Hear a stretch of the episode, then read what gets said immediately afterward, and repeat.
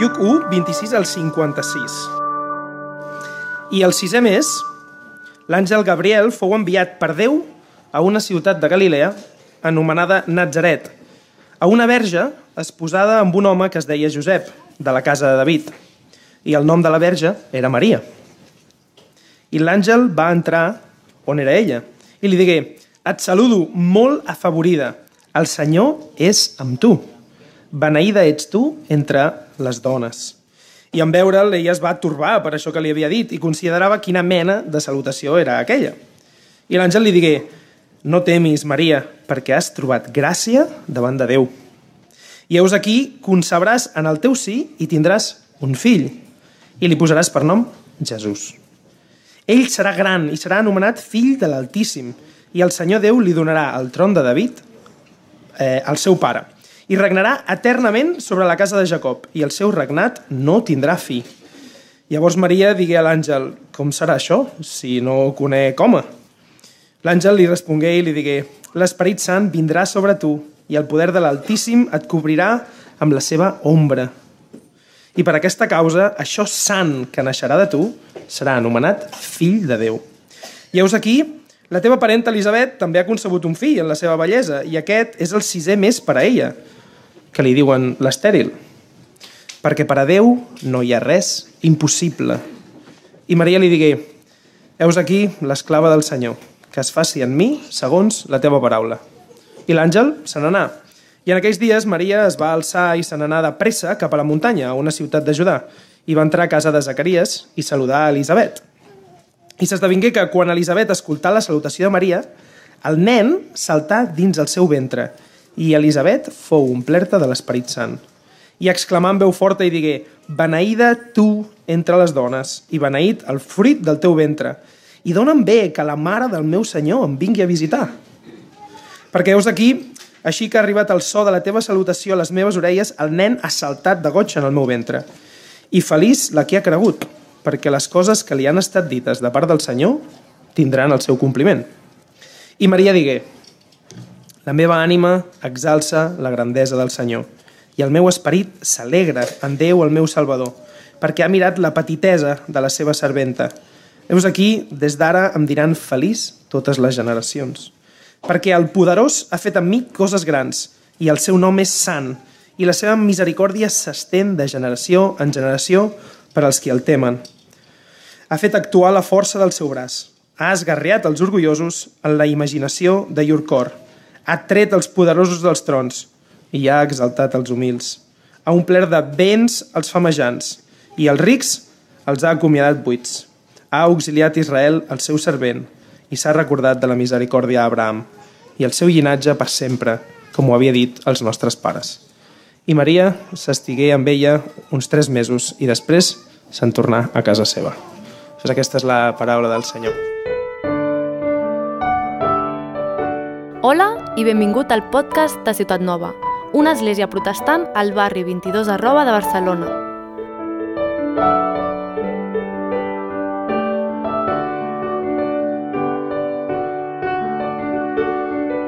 No sé si sou conscients de què és l'Advent, perquè és veritat que ja és el tercer diumenge d'Advent i avui per fi escoltem una història de, de Nadal, sí, del naixement de, de Jesús. I durant quatre setmanes el que fem és recrear el que moltes persones van esperar durant segles. Um, I és que generacions de sants van viure amb promeses dels profetes a les escriptures i promeses que, que no van veure com, complertes, sinó que amb expectació, amb anel s'havien de complir, no? esperant, esperant el què? Doncs l'arribada del que les escriptures diuen aquell que havia de venir. Um, recordant i anhelant l'arribada, la, esperant l'arribada de, de la salvació en Jesús, del Messies. Sí? Llavors, estaven esperant, però no sabien quan havia d'arribar ni com havia d'arribar, ni quan vindria. I és fort, perquè les pàgines de la Bíblia hebrea, des del Gènesis fins a les cròniques, estan xiu-xiuejant d'aquell que havia de venir, aquell que havia de venir. Llavors, l'Advent, Església, és un temps d'espera, sí? L'Advent és un temps d'espera, és una època per esperar, però no sé vosaltres, però jo no ho visc així en el meu dia a dia. Llavors us faig una pregunta. Us agrada esperar? Xuf. a, a mi no m'agrada. I, de fet, la nostra societat diu que esperar és dolent. I hi ha coses que potser sí, no? Però si és esperar, és esperar, i això requereix fer cua, uf, a mi em costa. Al súper mira encara, però si és a la carretera, per exemple, és drama. Llavors, no sé si algú ha anat de pont, però esperar a dins del cotxe, a la carretera, és bastant dur. O, o posa nerviós, com a mínim a mi. Llavors, eh, no ens agrada esperar. Però la meva pregunta és, existeix tal cosa com gaudir de l'espera? O sigui, això existeix? O és, és un mite? Existeix tal cosa com gaudir de l'espera? T'agradi o no esperar? Esperar és bo o és dolent, no? I llavors jo em pregunto, queda algun raconet en les nostres vides modernes per a una espera positiva? És a dir, amb conceptes com expectació, anel, fins i tot nostàlgia o una espera pacient? Hi ha espai en la meva vida per l'espera? I els nens saben molt bé el que és esperar. De fet, possiblement el Nadal l'espera els hi fa molt llarga. Esperant regals, esperant el dia 25, però els adults és tot el contrari. De fet, en una setmana i mitja s'acaben classes per profes, per nens, ja ha vingut el Nadal, estem a ple desembre i a mi això em sembla una voràgine. O sigui, avui ja és el tercer diumenge d'Advent. No sé com ho teniu vosaltres. A mi mm, m'està anant tot massa ràpid. Um, i, bueno, diuen que el desembre no, que és l'època més meravellosa de l'any, no? I l'altre dia llegia, eh, i m'agradaria començar així, que l'Advent, t'agradi o no, et confronta. Que et farà o més com aquell personatge de la història de Charles Dickens, l'Scrooge, o el Grinch, un altre personatge amargat, avariciós, eh, agobiat, o et farà més com els pastors, que van anar i van glorificar a Jesús, Déu fet un bebè.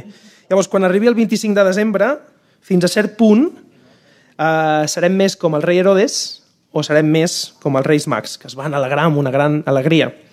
Llavors, mm, com a església potser ens hauríem de preguntar, estarem més a prop de Crist el 25 de desembre o més lluny? El meu cor estarà més tendre, aquest meravellós Jesús, o seré més insensible? I s'ennubularà la nostra vista d'aquest rei salvador que va venir a la terra? O la saboriré amb més fervor? Coneixerem i gaudirem més de Jesús. Llavors la meva pregària és que en aquesta època, com a església, com a famílies, eh, puguem recordar a Jesús com el tresor central de les nostres vides. I avui en particular m'agradaria que junts eh, puguem reviure lo inesperat que va ser aquell primer Nadal. Hem llegit 30 versets i m'agradaria que avui veiem lo inesperat de l'anunci del naixement de Jesús. Des de la manera com va venir, des de fins i tot pensant qui realment era aquell bebè.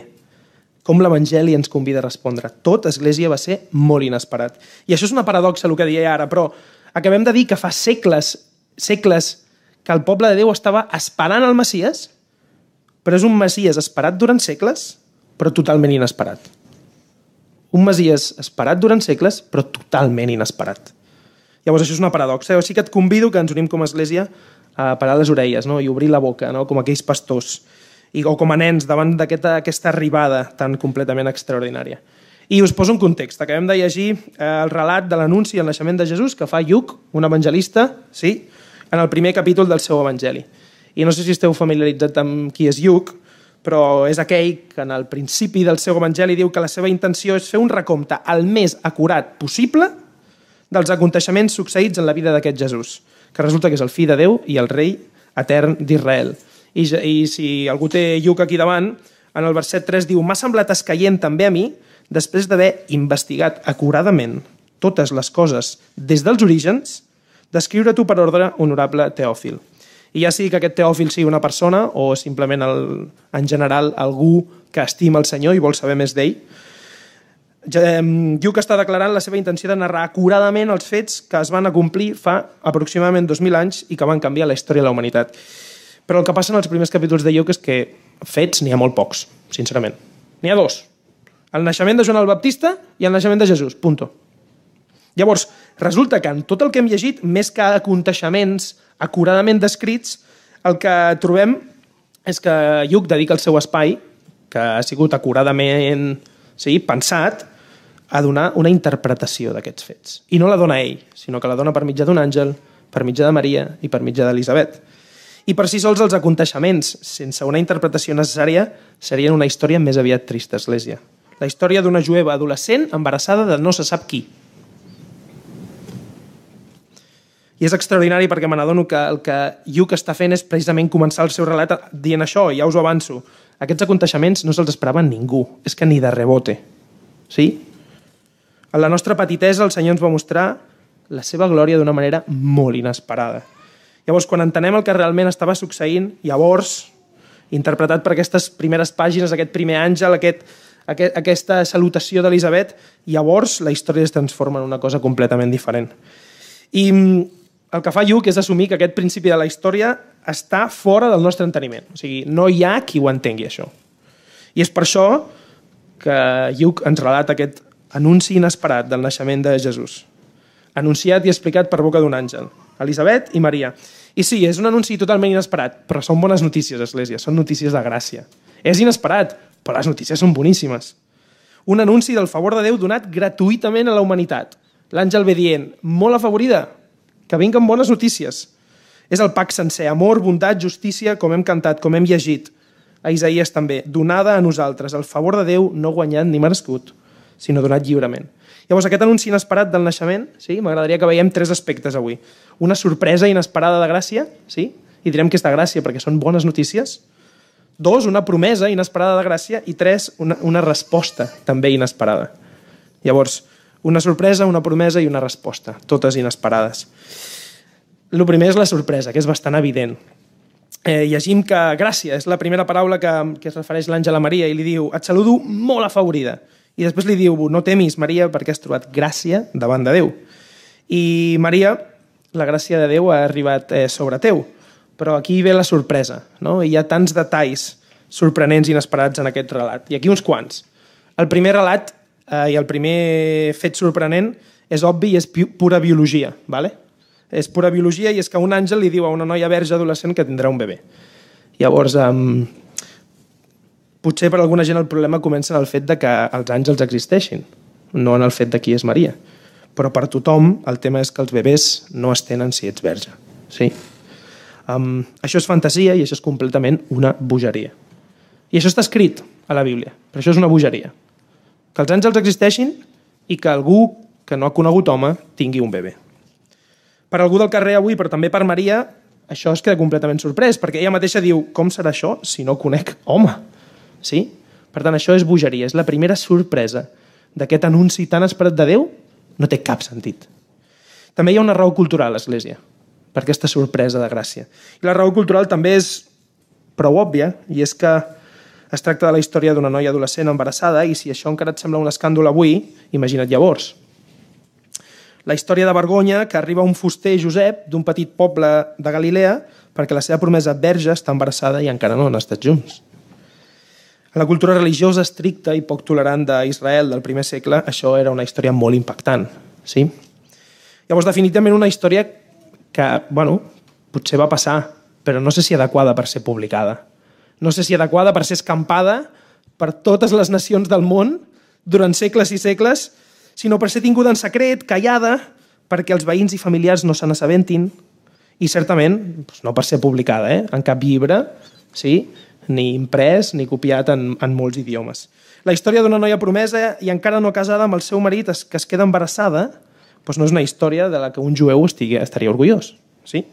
I finalment hi ha raons personals, Església, per aquesta sorpresa de Gràcia. Raons personals que afecten a la pròpia Maria i que fan d'aquest anunci una sorpresa. La pregunta és per què ella? Per què Maria? Que inesperat que l'àngel Gabriel s'aparegués a Maria. I potser algú pot pensar que aquest embaràs estrany abans del matrimoni és una bona estratègia per posar-te en el centre d'atenció. Però és que no estem parlant de la princesa d'Israel, Església. Estem parlant que Maria és de Nazaret i els comentaristes, eh, si llegim el relat, diuen que Lluc ens diu on era Nazaret, a Galilea, perquè si no, no hi havia qui, la, qui el col·loqués al mapa, o sigui, al mig del no-res. Ningú coneix Nazaret, si no és que Lluc diu, mira, allà a Galilea hi ha un poble que es diu Nazaret. Sí? I a més, tan jove. Eh, en aquell temps les noies eren desposades, compromeses en matrimoni amb 13, 14 o 15 anys. Llavors, com a molt, tenia 15 anys, tercer de l'ESO. Soc tutor de tercer de l'ESO, flipa. Eh, saps? No sé... No, sí, han passat 2.000 anys, però jo em poso a tremolar. I, clar, eh, tan jove, Maria, d'un poble, Nazaret, i a més pobra església. Quan tenen a Jesús, ella i Josep el presenten al temple, i això ho podeu llegir al, a, Lluc 2, verset 24. El presenten al temple i ofereixen dos ocellets. I hi ha una nota a peu de pàgina que et diu, mira't a Levític 12.8, i diu que quan tinguis un fill, que sacrifiquis un anyell. Però si ets molt pobre, va, dos ocellets. I aquesta gent va oferir dos ocellets, perquè no tenien per una llei. I si podies gastar tot el que tenies estalviat, sacrificaves una llei. Per tant, de Nazaret, jove, pobre i església, una noia. Um, sí, home, clar, si has de tenir un fill, bé li haurà d'informar ella, no? Sí, clar, però no deixis de sorprendre't i alegrar-te, sí? No deixis de sorprendre't i alegrar-te que la notícia més meravellosa que el món havia de sentir va ser anunciada una noia, que seria la mare del rei etern. El testimoni de la qual no hagués valgut en cap judici públic, de la mateixa manera que no hagués valgut en cap judici públic que l'altra Maria digués que la tumba estava vacía. No valia per res. Doncs profetitzat durant segles, però ara anunciat ni a sacerdots, ni davant del temple, ni amb una aparició a milers de persones, sinó a la porta, bueno, en secret, on estigués aquesta noia. Llavors, eh, Maria, amb molt pocs drets i poc respectada per ser dona, eh, va ser l'escollida de Déu. I aquí tenim una gran sorpresa. Llavors, eh, l'àngel Gabriel també es va aparèixer a Zacarias i li va pagar canya, no sé si algú ha llegit la història abans, però li diu, eh, mm, escolta, Zacarias, que jo em passo el dia davant de la presència de Déu i tu estàs dubtant de lo que jo et vinc a dir, doncs ara et deixaré mut fins que el teu fill neixi ho estic explicant malament, però això va passar. Doncs aquest Gabriel es presenta en aquesta sorprenent ciutat, amb aquest sorprenent anunci, aquesta sorprenent persona Maria. Sí? I així no és com es comença un moviment, saps? La gent de màrqueting i relacions públiques s'està estirant dels cabells ara mateix. Eh, què esteu fent, cristianos? Això no va així. I hi ha un tuit, una frase de Tim Keller, que jo suposo que apareix cada advent, que diu així. Una raó per creure el cristianisme que per creure que el cristianisme és veritat és que ningú s'hagués inventat tal cosa. Sí? És una frase famosa, és que no, és que no s'ho hagués inventat ningú. Sí? Doncs Déu sorprèn a Maria i Déu ens sorprèn a tots nosaltres vessant el seu favor lliurement als homes i dones de tota la terra, enviant a Gabriel a Nazaret, a Maria. Sí? I aquest és l'anunci tan esperat, però tan inesperat. Tan esperat, però tan inesperat. En segon lloc, la promesa inesperada de gràcia, i és que aquest anunci conté una promesa per nosaltres, i la promesa és molt senzilla. Que Maria donaria llum al rei. I tu i jo sabem el final de la història. I sabem que no va ser un rei com els dels contes. I nosaltres estem a l'altra banda de la història, però Maria no tenia ni idea d'això. De fet, l'única cosa que sí Sant Maria és que el seu poble va tenir un rei que es deia David, com hem llegit. Un home, bueno, com hem llegit que ha anunciat l'àngel, el Senyor li donarà el tron de David. I diu, um, conforme al cor de Déu. Aquest, aquest rei, aquest David, Déu li va prometre que el seu tron duraria per sempre. I no va passar. Bueno, sí que va passar. Amb això Maria no ho entenia, però sabia qui era aquell David i sabia la promesa que Déu li havia fet a David. Llavors, eh, aquesta promesa, l'Església va arribar a les orelles de Maria, com llegim els versets 32 i 33, i l'àngel li diu «Ell serà gran i serà anomenat fill de l'Altíssim, i el Senyor Déu li donarà el tron de David, el seu pare, i regnarà eternament sobre la casa de Jacob i el seu regnat no tindrà fi. Llavors, l'anunci més inesperat acaba d'arribar. Segles d'espera s'han acabat. És com que l'advent s'ha complert. El Messies, el rei esperat, arribava per fi. I Maria, que és l'escollida per dur-lo al món, diu i sóc jo el que l'he de criar, aquest rei? Però si no hi ha regne, però si estem sota l'imperi romà. Perquè estem sota l'imperi romà, o sigui, vale, sí, el meu fill naixerà en rei de què? si no tenim regnes, si estem, si estem um, com es diu això, si estem sota, sota, sota l'imperi romà, estem, estem, estem que no tenim llibertat, no? I l'àngel eh, li respongué i li digué, mira, Maria, l'Esperit Sant vindrà sobre tu i el poder de l'Altíssim et cobrirà amb la seva ombra i per aquesta causa això sant que naixerà de tu serà anomenat fill de Déu. Llavors, no només és fill de Déu aquest bebè perquè és del llinatge de David, per, per un tema de genealogia, sinó perquè serà engendrat per Déu. Llavors serà el seu fill literal, de veritat. I per aquesta causa això que naixeria seria sant. Seria un bebè sense el pecat de la humanitat. No un bebè humà i prou. I per tant, tampoc seria rei d'un regne, regne qualsevol. I en resum, el que és Maria aquí és informada, aquesta promesa és informada que el seu fill serà Déu mateix baixant a la terra, fet home, fet carn. L'esperit vindrà sobre tu i el poder de l'Altíssim et cobrirà amb la seva ombra. I és, això és evident que és la següent bogeria, que això és difícil de creure. I, sincerament, no em detindré a intentar convèncer a ningú que aquest fet sobrenatural i inexplicable va succeir de veritat.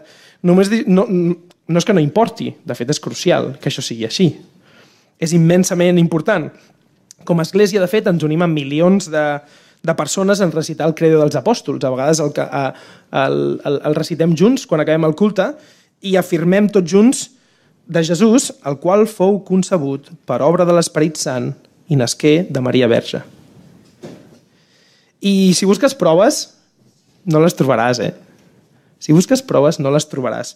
Perquè precisament el punt d'un miracle i el que vol fer Lluc és dir que això és humanament inexplicable. Sí? Que està fora del devenir natural de les coses, que ens treu del focus i de la responsabilitat d'inventar-nos nosaltres, de salvar-nos a nosaltres mateixos, res. Que requereix intervenció d'un Déu que és molt més poderós que el que nosaltres entenem per realitat.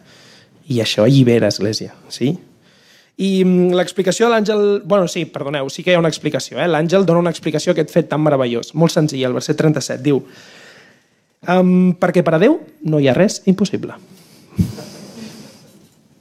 Sí? Perquè, bueno, li diu, eh, eh, Maria, que tu et quedaràs embarassada sense tenir, però és que la teva parenta, que és molt vella ja, i és estèril, ha tingut un fill. Tela. Però és que diu, és que com si ell mateix que no, eh? Però com si ell mateix s'empenedís d'haver-li donat explicacions sobre Elisabet. Dic, mira, Maria, per a Déu no hi ha res impossible. I estem parlant de que el Déu de l'univers, creador de tot, ara ens posem una mica filosòfics, creador de l'espai, de l'espacio-tiempo, sí? que no està sotmès ni a l'espai ni al temps, es va fer carn en un temps determinat, en un lloc determinat. Sí? Llavors, Maria s'ho creu, i per un jueu, perquè clar, nosaltres ja hem escoltat la història moltes vegades, però per un jueu que Déu es fes carn, això era blasfèmia forta. Això era una barbaritat. Tant que molts jueus van entrebancar amb aquesta pedra i van perseguir a Jesús fins que el van crucificar. Déu fet home? Impossible. Sí? Però, Església, si el naixement de Jesús no va ser com l'àngel va anunciar a Maria, llavors estem perduts. Estem completament perduts. Perquè llavors Jesús simplement és humà. Sí? Doncs aquest Jesús és el fill de Déu, és Emmanuel, com cantem. Déu amb nosaltres, redemptor nostre, Déu vivent. És el rei i el seu regnat no tindrà fi. La promesa feta carn, el que havia de venir. I Església, les explicacions de l'àngel es van complir. Maria no tenia ni idea, però es van complir i aquell bebè va néixer i va ser un home i va caminar i va menjar i va dormir i va plorar. Però va néixer sense pecat i pels nostres pecats va morir en una creu. Glòria a Déu que Jesús va néixer pel poder de l'Esperit i va néixer sant i sense culpa. I per tant ell ell sí que pot donar el que nosaltres només podíem rebre, perquè aquesta sorpresa només es pot rebre amb les mans buides. I el tercer punt, com responem a això? La resposta també és sorprenent de la gràcia. I quina va ser la resposta a tot això? Doncs m'agradaria abordar aquest últim punt amb tres respostes, de manera breu, ¿vale? intentant fer honor a la part del text que és més crucial, de fet, um, i que és igual o més inesperada que l'anunci. La resposta, Església, és igual o més inesperada que l'anunci. I m'agradaria veure tres respostes. La de Maria a l'àngel, la de les paraules d'Elisabet i després aquesta cançó tan famosa de Maria, el Magnificat. Sí? Primer, la resposta de Maria a l'àngel. L'àngel li diu, quedaràs embarassada, per Déu no hi ha res impossible, i també de manera inesperada, Maria creu l'anunci que Déu li està a punt de, de, del que Déu està a punt de fer en ella i diu, Heus aquí l'esclava del Senyor, verset 38, que es faci en mi segons la teva paraula. I l'àngel se n'anà. I en altres paraules, Maria li està dient, vale, àngel Gabriel, et crec, et crec, que Déu faci en mi el que hagi de fer. I hem llegit que en veure les va torbar i que considerava quina mena de salutació és aquella, eh? I després, en el 34, i en Maria dubtava i li digué, però com ha de ser això si jo no conec un home? Llavors, Església, no és que Maria apagués el cervell, eh? No és que Maria pagués el servei i no es barallés amb tot allò, però va confiar en el Senyor. I la Bíblia està plena de persones que es qüestionen i pregunten el per què del Senyor i els seus camins, però confien en ell. Els salms estan plens d'això. Sí? I els evangelis ens presenten una Maria com una noia que va creure aquest àngel i que va respondre amb fe, valenta, molt valenta, sí? que es va sotmetre a la voluntat de Déu, però evidentment també confosa i espantada i dubtant del seu propi fill. De fet, quan era adult, dubtava del seu ministeri, sí? de què estava fent. Llavors és fort perquè Maria no tenia ni idea del que havia de passar amb el seu fill, però va creure que aquest Jesús, que li havia de néixer, seria el rei. Per tant, a Església podem dir que Maria és la primera cristiana. És la primera que va sentir de Jesús i va creure en Jesús. No havia ni nascut, eh? Sí? I, evidentment, això és una dada no important, però va creure en aquest Jesús i va confiar en coses que no entenia. I torno a repetir, nosaltres estem a l'altra banda de la història. Però Maria va confiar en fets que eren inexplicables. Després les paraules d'Elisabet. Eh, Maria, suposo que després de sentir que l'àngel li havia dit que la seva parenta estava embarassada, se'n va anar corrents cap allà. Se'n va anar de pressa cap a la muntanya, estic llegint el 39, a una ciutat de Judà, i va entrar a casa de Zacarias i saludar Elisabet. I s'esdevingué que quan Elisabet escoltà la salutació de Maria, el nen, el nen saltà dins el seu ventre i Elisabet fou omplerta de l'Esperit Sant. I és que això no ho expliquen humans, sinó que Lluc ens fa veure que és Déu qui està relatant el que està passant aquí a la humanitat, perquè això és inexplicable. I plena d'esperit, Elisabet anuncia «Ets la més beneïda entre les dones». I tant, si el seu fill és el salvador de la humanitat, el rei que regnarà per sempre, i tant que ets la més beneïda de totes les dones. Aquell que havia de venir. El seu naixement havia de ser únic. No, no podia ser com cap altre en la història de la humanitat. De la mateixa manera que Maria, llavors, era una mare especial, sí? I Elisabet diu dues coses molt impactants, molt ràpid. La primera, dona'm bé que la mare del meu senyor, que la mare del meu senyor em vingui a visitar. Dius, vale, està plena de l'esperit, però ho entès a la primera. I feliç el, la qui ha cregut perquè les coses que li han estat dites de part del Senyor tindran el seu compliment. I és l'esperit que parla, però escoltem Elisabet, que proclama que Jesús és el Senyor i que feliços els que creuen perquè veuran complertes les paraules del Senyor. I la meva pregunta és, es pot dir més en una salutació tan curta? Jesús és el Senyor i feliços els que creuen perquè veuran complertes les paraules del Senyor. O sigui, es pot dir més en una simple salutació? Jesús és el Senyor i feliços els que creuen tot el que Déu farà. Llavors, Església, tenim aquí les dues primeres cristianes de la història. Sí? Una resposta de fe, de goig i de confiança. Sí? I finalment la cançó de Maria, i aquest és el punt i és el clímax de la història. De fet, eh, Lluc, eh, ja sabeu, se centra en relatar els fets i per ordre, però aquí tenim molts versets en què tenim una Nadala, sí? Una cançó de Maria. I deixeu-me que recapitulem perquè estem al final. Vale? Un àngel li havia dit aquesta Maria que donaria llum al rei tan esperat de Déu, que la seva parenta també havia concebut miraculosament i que ja feia sis mesos que estava embarassada. Per cert, per això quan llegim diem el sisè mes, és el sisè mes respecte, ui, perdó, l'embaràs de la seva parenta. Sí? Um, li diu això, llavors Maria es queda atònita, llavors dic, bueno, se'n va, jo suposo que se'n va amb urgència a visitar-la, com qui busca més respostes de què està passant aquí, no? I Elisabet, en un sentit, sense que ella li expliqui res, la clava, és a dir, jo no t'he dit ni hola i tu ja m'estàs confirmant el mateix que l'àngel m'ha dit, saps? O sigui, flipant, sí? I pam, sense més detalls, Maria esclata en lluança. Ofereix aquest famós poema, cançó, magnificat de Maria, sí? I és tot molt recent i sembla que no té gaires detalls quan ofereix el seu cant de lluança. I jo crec que avui no li podem fer justícia i us demano disculpes a aquestes paraules. Però com queda clar la resta del seu evangeli, Lluc va administrar l'escàs espai que tenia per anomenar, o sigui, enumerar tot el que havia succeït amb aquest Jesús. I amb gran cura va afegir el Magnificat, eh, que representa potser les línies nadalenques més importants mai escrites. I ens donen una de les visions més profundes del, del cor de Déu a totes les escriptures. Llavors, si teniu Bíblia, jo us convido a parar un minut i llegir Lluc 1, 46 al 55. Una altra vegada. Si voleu, ho llegeixo jo, però si la teniu, ho podem llegir, perquè em sembla que tenim temps. I llegim això. Aquesta noia no sabia res. Llavors, si voleu, fem un minut de silenci, el que vulgueu. Del 46 al 55. Aquest magnificat de Maria. Voleu que ho llegeixi jo? Vinga, va. Uipa, perdó. Pues és així, diu, i Maria digué, la meva ànima exalça la grandesa del Senyor, i el meu esperit s'alegra en Déu, el meu Salvador, perquè ha mirat la petitesa de la, meva, de la seva serventa. Heus aquí, des d'ara em diran feliç totes les generacions, perquè el poderós ha fet en mi coses grans, i el seu nom és sant. I la seva misericòrdia s'estén de generació en generació per als qui el temen. Fins aquí sembla un salm, això, no?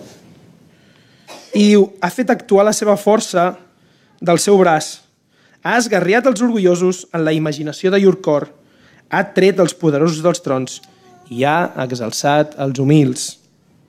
Ha omplert de béns els famejants i els rics els ha acomiadat buits. Ha auxiliat Israel, el seu servent, i s'ha recordat de la misericòrdia d'Abraham i el seu llinatge per sempre, eh, com ho havia dit els nostres pares. I Maria s'estigué amb ella uns mesos i després se'n tornà a casa seva. Aquesta, um, aquesta, aquesta Nadala, aquesta cançó, és molt poderosa i té com tres parts diferenciades. Els primers versets declaren el que, que el que Maria fa és lluar a Déu, sí? Després, el 48 i el 49 explica per què, per lo que Déu ha fet. O sigui, t'estic lluant Déu per, per lo que tu has fet amb mi, sí? Però la secció més important, els versets 49 al 55, és on veiem com Maria es meravella de la glòria sorprenent i inesperada d'aquest Déu. Perquè si l'anunci de Jesús va ser inesperat, Déu també és un Déu inesperat.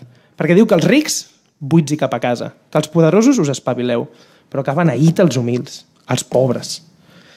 I aquesta secció final és una celebració de Déu i els seus camins, que són tan contraris a les nostres expectatives humanes, Església. Els camins de Déu són contraris a com funciona el món en el que vivim. I és, llavors això sabeu què és? Això és la resposta en majúscula a aquest anunci inesperat. Això és la resposta. I aquesta és la resposta. Maria celebra a Déu, un que trenca els nostres paradigmes. Ja que la nostra força no ve, sí, de reclutar els forts, sinó de rescatar els febles, de que som febles rescatats. I aquest Déu, hem llegit, tria el que és neci del món per avergonyir els savis, tria el que és feble del món per avergonyir els forts, tria el que és baix i menys preat, fins i tot el que no és, sí? Um, per reduir-lo al que no és. Com una ciutat oblidada de Nazaret i una jove soltera que porta un nen concebut sense pare humà, sí? Humilia els forts i engrandeix la seva força exaltant els febles. Al Nadal, l'Església posa el món del revés. Um, les seves primeres línies, a més, en aquesta cançó, no només celebren que Déu magnifiqui la seva força en, en, en les debilitats del seu poble, sinó també com, sabeu? I com s'engrandeix Déu amb nosaltres? Com responem nosaltres a aquestes notícies tan inesperades? Sabeu com ho fem? Com Maria, que diu no mitjançant l'orgull ni confiança, ni riquesa, sinó un cor humil que s'alegra. I llegim, la meva ànima exalça la grandesa del Senyor i el meu esperit s'alegra, això és el 47, el meu esperit s'alegra en Déu, el meu Salvador. Aquesta és una lletra que canvia la vida i no només per Nadal, eh, sinó per sempre. Déu engrandeix o s'engrandeix en el seu poble, en nosaltres, quan com Maria ens alegrem en ell. Això tan inesperat, quan nosaltres ens alegrem en aquestes notícies tan boges, en això exalcem el Senyor. I el que més m'impressiona um, i fins i tot a Lluc també, no? i que vol explicar-li aquest teòfil, eh? és que eh, el noble lector d'aquest evangeli sí? és, és la baixesa i l'alegre humilitat que tenen Elisabet i Maria en sotmetre's al seu magnífic Déu. Ha mirat la condició humil de la seva serventa. Les úniques persones, ojo aquí, les úniques persones, l'ànima de les quals pot magnificar veritablement el Senyor, són les persones com Elisabet i Maria. Són persones que reconeixen la seva condició humil i se senten aclaparades per la gràcia de Déu. És allò de que qui té les mans buides és més fàcil que les obri. Sí o no? I eh, important això, no és que mereixi la gràcia de Déu Maria per la seva senzillesa o humilitat, sinó que està més preparada per rebre aquesta gràcia, gràcies a la seva condició. Les mans són buides, això facilita que les obri. I um, Maria sabia que el que li havia dit aquest àngel, eh, el mateix Déu ho havia anunciat al profeta Isaías. Eh, Deixeu-me que us el 55, el verset 1. Diu, Ei, tots els assedegats, veniu a les aigües. I el qui no té diners, veniu, i compreu i mengeu. Sí, veniu. Compreu sense diners i sense preu, vi i llet. I aquest és el poder de la nostra fe cristiana, Església, que el banquet que se'ns ofereix no és res que ens haguem guanyat. El banquet que se'ns ofereix és un regal donat lliurement, completament lliure. I com el favor de Déu no és res que puguem guanyar, doncs la gràcia donada als homes tampoc és res que es pugui perdre. No hi ha res que puguis fer sí? per perdre el favor de Déu donat lliurement. Res que et desconvidi del banquet. No pots fer res perquè et digui ja no estàs convidat. I per això, quan tenim un, un temps de confessió en els nostres cultes a Església i venim amb el mateix pecat que ens persegueix setmana rere setmana i confesses el mateix pecat, el mateix que la setmana passada i que la passada i que la passada i que fa cinc anys, quina creus que és la postura de Déu davant teu en aquest moment fosc? És així la postura de Déu? O és amb els braços oberts? Quina és la postura de Déu quan confessem, quan reconeixem la nostra vergonya, que no mereixem res? I has de confessar aquesta setmana el mateix pecat que la setmana passada. Quina és la postura de Déu? T'està apuntant amb el dit o està amb les mans obertes per rebre't? Perquè el propi Lluc, al seu capítol 15, ens explica aquella paràbola tan famosa del fill pròdig. I què fa el pare? Si no corre cap a aquell fill l'abraça, el besa, li posa un anyell, el vesteix i prepara un banquet. És una postura de gràcia extravagant, com el títol de la nostra sèrie dels Gàlates. Una gràcia extravagant, inesperada. Si l'anunci era inesperat és perquè tenim un Déu inesperat. El Nadal posa el món al revés, Església. I amb això acabem. Déu envia l'àngel amb aquest anunci tan esperat, però tan inesperat. Una paradoxa. És un anunci de gràcia. I, Església, el naixement de Jesús és una bogeria per qualsevol persona humana. És una bogeria, però per boca d'aquests personatges, les millors notícies de la humanitat que la humanitat ha rebut, um, les tenim amb nosaltres. Déu es va fer home i la seva gràcia ens és donada lliurement. Mm? Déu va venir al món a fer-se home, a alliberar-nos del pecat i regnar per sempre. I nosaltres vivim el primer advent, Església, mirant cap enrere, amb confiança esperant que Jesús tornarà.